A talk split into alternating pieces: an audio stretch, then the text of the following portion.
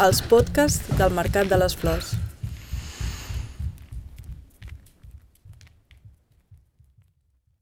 All right, we have to start. Is everybody ready? Assistim a l'assaig d'Ortopèdia Corporatio dos dies abans de l'estrena de la que és la darrera peça de Marina Mascarell, un al·legat a la comunitat sense estàndards, al col·lectiu sense singularitats. Però tot i la proximitat amb el dia de l'estrena i la complexitat del dispositiu escènic, no es noten els nervis. Enjoy. Enjoy.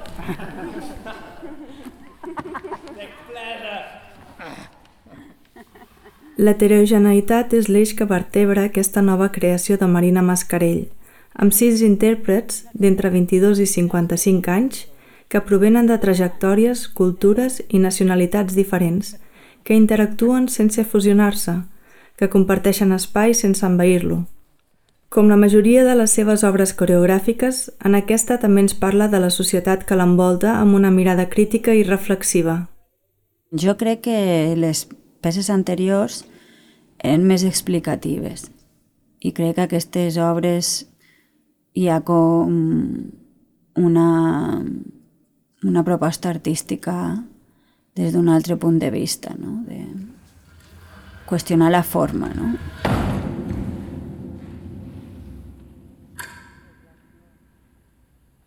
Ortopèdica corporatio és un, una natura humana ortopèdica. L'espècie humana eh, ja no és només humana. Hem fet moltes coses malament i moltes coses bé, tal vegada, i a partir d'aquí eh, intentem aprendre.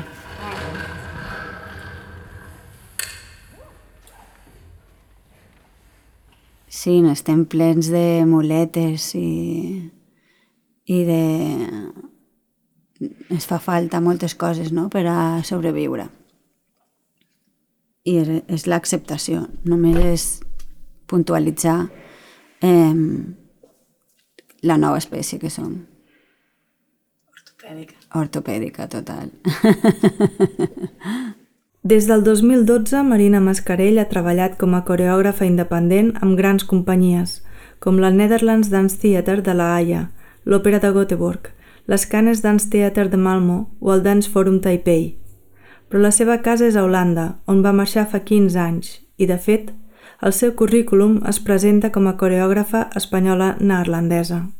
La veritat és que jo no decidí posar eh, si sóc neerlandesa o espanyola o catalana. La veritat és que eh, els holandesos ho han posat. I, I em va fer gràcia. Quan ho vaig veure la primera vegada vaig pensar, ja m'han adoptat. I, I mai ho he corregit perquè perquè, per una raó, perquè jo he desenvolupat el meu treball allí jo he crescut allí professionalment. No he crescut aquí professionalment.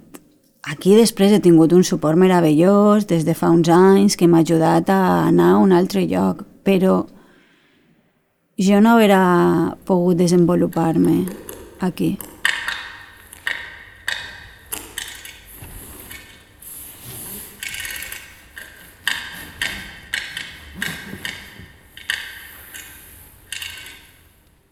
Però la veritat és que no sóc gens holandesa. Gens, gens, gens. Però Holanda és de veres que té una cosa que és molt còmoda per a la gent de fora. Tu no estàs forçat a ser, a ser holandès per a viure allí. I té els seus pros i els seus contres aquesta forma, no? De, de viure i de relacionar-te amb els altres ells, no, ells i elles no, no es preocupa que tu no sigues part de la societat. Tu, fas, tu vius en paral·lel en una societat paral·lela, bàsicament. I com jo hi som milions allí, saps? O sigui, som com una societat paral·lela, una bambolla internacional de gent de, to, de tot arreu, de totes parts del món, molt bèstia de repente, per què viatjar és tan emocionant? Perquè et sents lliure, perquè estàs en un altre lloc, en, no sé, o sigui, a banda de que no coneixes el lloc i tot és nou, però també és una sensació de llibertat, no?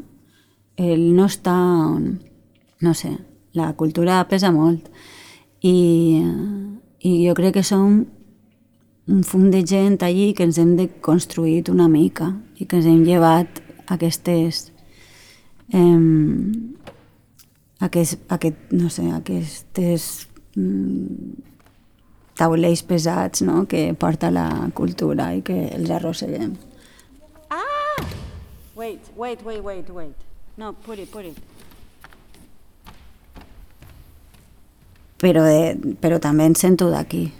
O sigui, jo m'emocione treballant en català fa un parell d'anys vaig començar a treballar aquí a Barcelona i els primers dies eh, parlava amb la gent en català i a un cantó a plorar perquè no havia treballat mai en català i de fet jo vaig mm, marxar de València amb 16 anys a Madrid i era com o sigui, ja no era que... És que jo no havia ni estudiat al país, saps? Aleshores era connectar amb la infància i molt bèstia.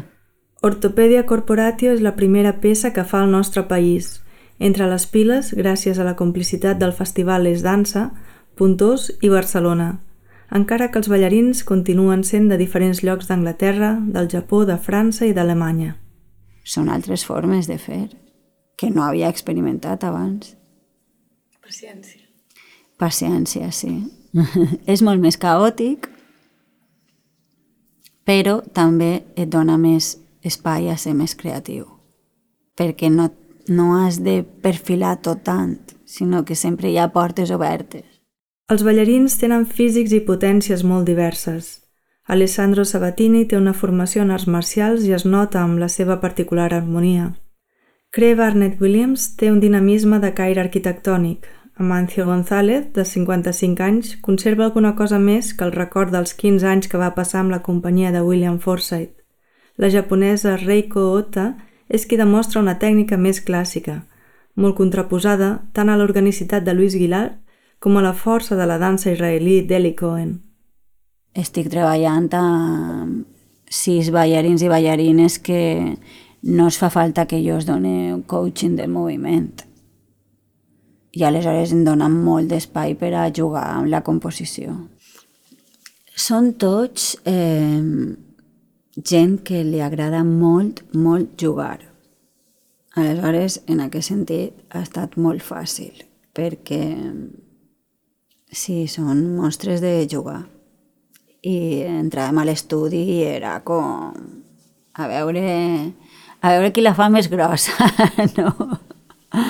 Molt divertit. Ha estat molt divertit.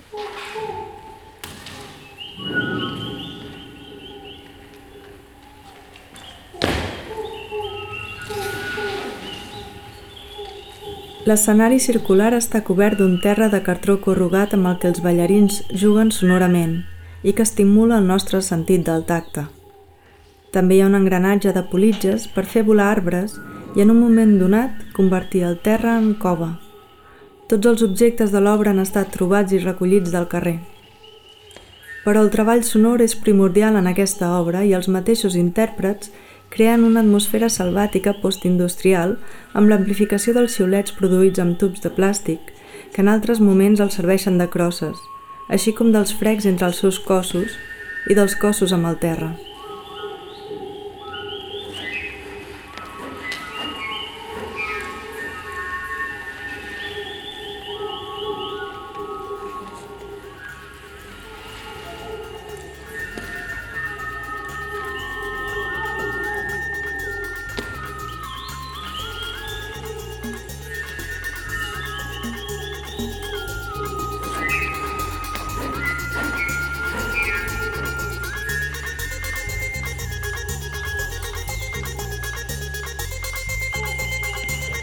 El so té molta importància en l'obra perquè per diferents factors. Per una banda, eh, jo volia com donar-li molta importància a l'escolta, i, i per una altra banda volia llevar-li importància a la vista, que és com el sentit superexplotat, etc. Estan tot el temps pendent no? de, del so que generen, del que generen els demés, de com reaccionar, etc. I, I crec que és essencial no? per a construir una comunitat que tothom tinga, tinga espai per a desenvolupar-se, que tothom pugui ser escoltat.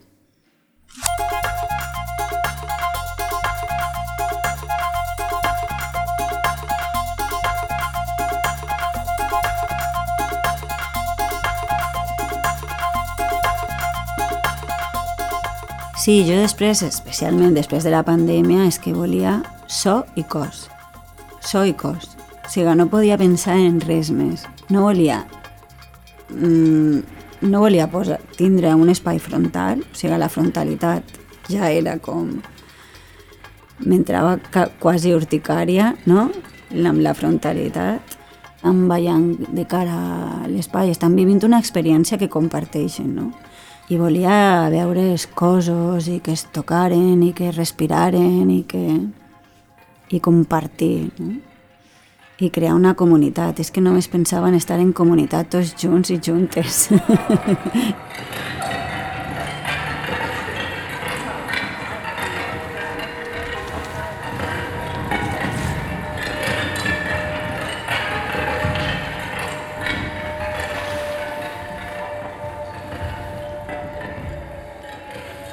Jo en aquesta obra estava interessada en, en obrir, eh, com diria, en obrir les possibilitats no? i entendre altres formes i altres eh, bagatges i altres experiències i en acceptar totes les experiències per igual.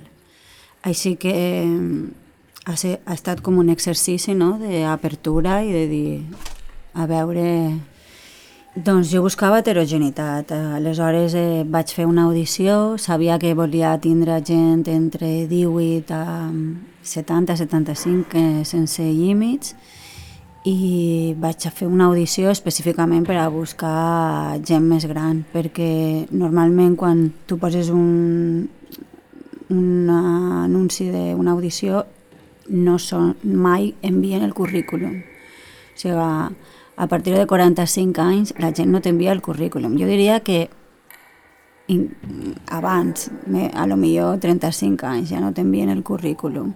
Però ja dic, aleshores vaig fer una audició que, que específicament demanava eh, ballarins i ballarines eh, per damunt de 45 anys. Eh, vaig fer una audició a Berlín, a La Haia i a Barcelona, però clar, eh, o sigui, buscava també eh, diferents estatures, diferents cultures, eh, cadascú té una llengua materna distinta a la de l'altra. O sigui, buscava que tothom eh, es sentir a casa. Perquè com ningú és eh, del lloc on viu, et sents a casa quan estàs rodejat de gent que té la mateixa situació que tu.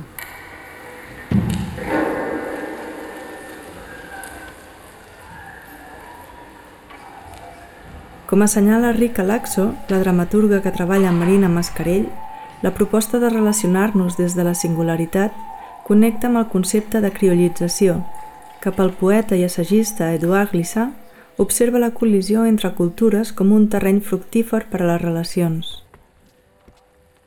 Ens posen límits quan creixem i que tal vegada sense aquests límits podríem anar molt, molt més lluny i ens posen en, en caixes, no? Creixem així, no? Com què és el que està bé, què és el que està... Eh, eres una nena, ets un nen, eh, saps? Creixem ja amb molts límits. Les marques que ens van posant, no? És com ens van limitant. No sé, per a mi sempre ha estat molt important. A més, jo he crescut en una comunitat molt petita i, i per a mi sempre ha estat un pes molt gran.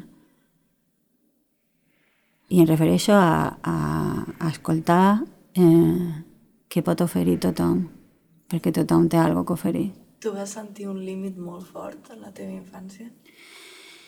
No, a veure, eh, no és que... Si, mm, a més, em vaig adonar que havia estat oprimida, perquè vaig marxar a estudiar a l'Havana i um, uns mesos uh, i, i vaig sentir la llibertat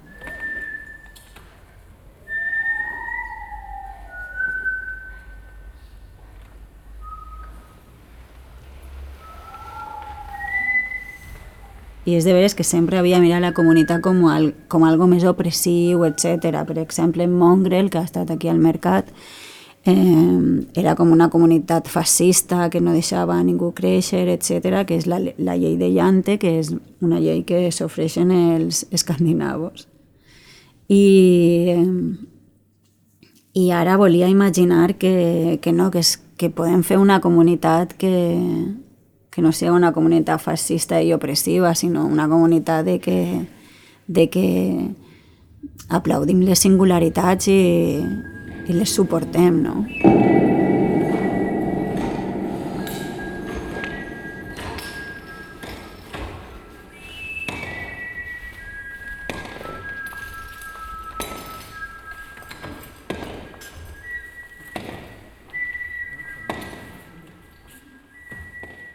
És meravellós poder entrar en comunitats mm, extraterrestres i, perquè són una mica de vegades comunitats, comunitats extraterrestres no? que no que sí, que són altres formes de fer i de ser i de compartir i tot és diferent i jo crec que després d'anys d'entrar així mm, a formar part d'una comunitat de la que no ets part uns mesos, com que he afinat molt l'escolta i m'agrada molt, molt observar i veure cap a on tiren. I, eh, per exemple, Taiwan és que és una... Clar, quan més vas, més entens de, de fons, no? Com, com és la cultura realment i és una cultura en què el col·lectiu és essencial. O sigui, jo dono una correcció, una nota a un ballarí o ballarina i escolten tots i ho comenten tots i totes. No, no és individual. Al principi jo me'n recorde que, era, que xocava, jo també era menys madura i tal, i em posava nerviosa. Què estan parlant? Perquè no... Saps? I a poc a poc vaig entendre, no?, que, que eren altres formes de fer i, i que eren meravelloses. Aprens, no? Tota l'estona sense parar. Quan vas a un altre lloc i fan les coses diferents. La veritat és que aquests anys treballant en tants països diferents que eh, m'he convertit, crec, en una persona molt més oberta i també molt més pacient. Perquè quan tu saps fer les coses d'una manera, d'una forma, és la paciència, perquè et penses que no, això no ho estan fent bé. Però quan deixes les coses anar, et dones compte que no, que ho fan bé, no, ho fan millor.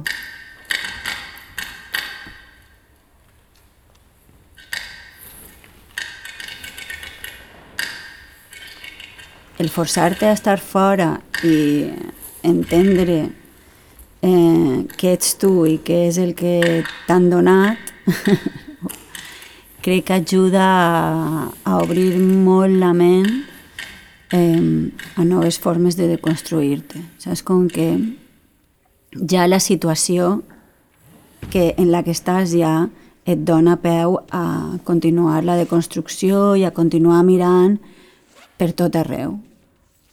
Sí, és un no parar de mirar de dintre a fora.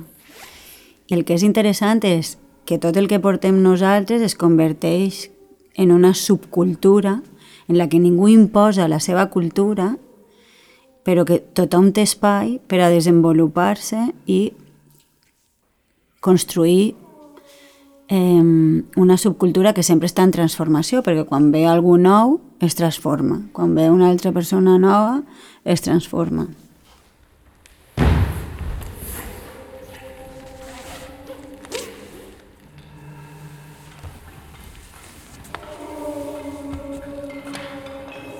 La societat contemporània ha perdut com la, eh, l'essència del que significa ser comunitat perquè ja no fem rituals tan a sovint i que els rituals són aquestes accions que ens, ajudaven a, ens ajudava a la societat a corporitzar eh, l'essència de comunitat.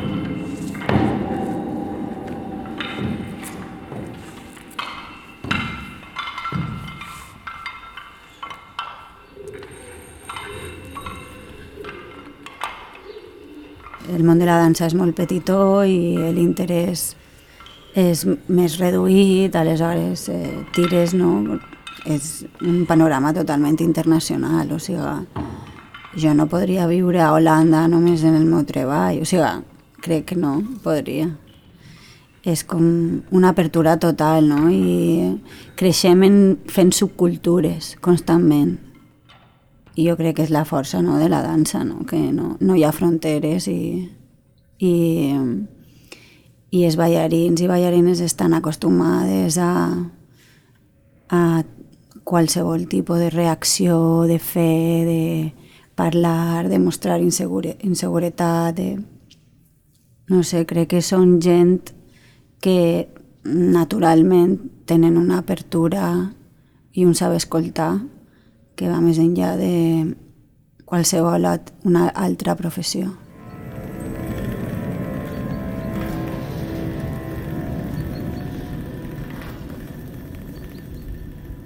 La pandèmia ha tocat tothom, però de manera especial els professionals de la dansa, i aquesta obra de comunitat i de transformació n'és una resposta, com el site específic Bird Dog, que va gestar-se durant el confinament imaginant a ballarins de diverses ciutats recuperant carrers i places. Amb l'espai públic pf, ha estat una meravella poder treballar al carrer, ballar o ballar al carrer sense parar, però no només ballar-lo, sinó que trobar tots aquests detalls, totes, o sigui, és que hem creat unes ciutats tan complexes que estan totes plenes de possibilitats i només les utilitzem per anar d'un lloc a l'altre, però en realitat són un playground, o sigui, són un parc de... que podríem estar jugant tot el dia.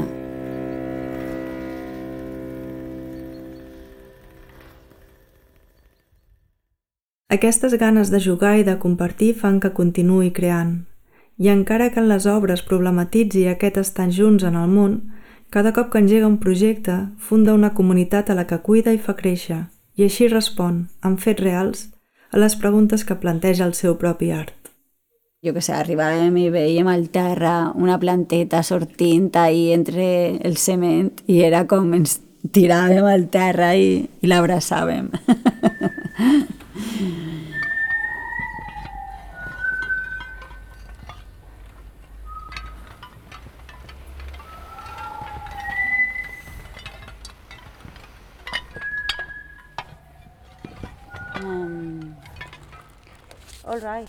Have a good uh, night.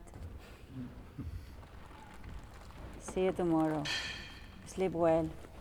Thank you so much. Thank you. Thank you. Aquest és un podcast del Mercat de les Flors, Barcelona 2021.